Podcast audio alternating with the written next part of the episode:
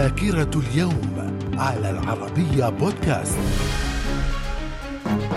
أهلا بكم وفي ذاكرة الثالث عشر من أكتوبر من العام 54 نيرون يتولى عرش الإمبراطورية الرومانية. في العام 1792 وضع حجر الأساس لمبنى البيت الأبيض في الولايات المتحدة ليكون مقرا دائما لإقامة الرئيس الأمريكي. من الذاكرة. في العام 1837 القوات الفرنسية تتمكن من دخول مدينة قسنطين الجزائرية بعد مرور أكثر من سبع سنوات على بداية الغزو الفرنسي. في العام 1881 إحياء اللغة العبرية عندما وافق آلي عازر بن يهودا وأصدقاؤه على استعمالها حصريا في محادثاتهم. من الذاكرة. ومن أحداث الثالث عشر من أكتوبر في العام 1911 القوات الإيطالية تبدأ في النزول إلى الشاطئ الليبي في بداية الحملة البرية الرامية إلى احتلال ليبيا. وفي العام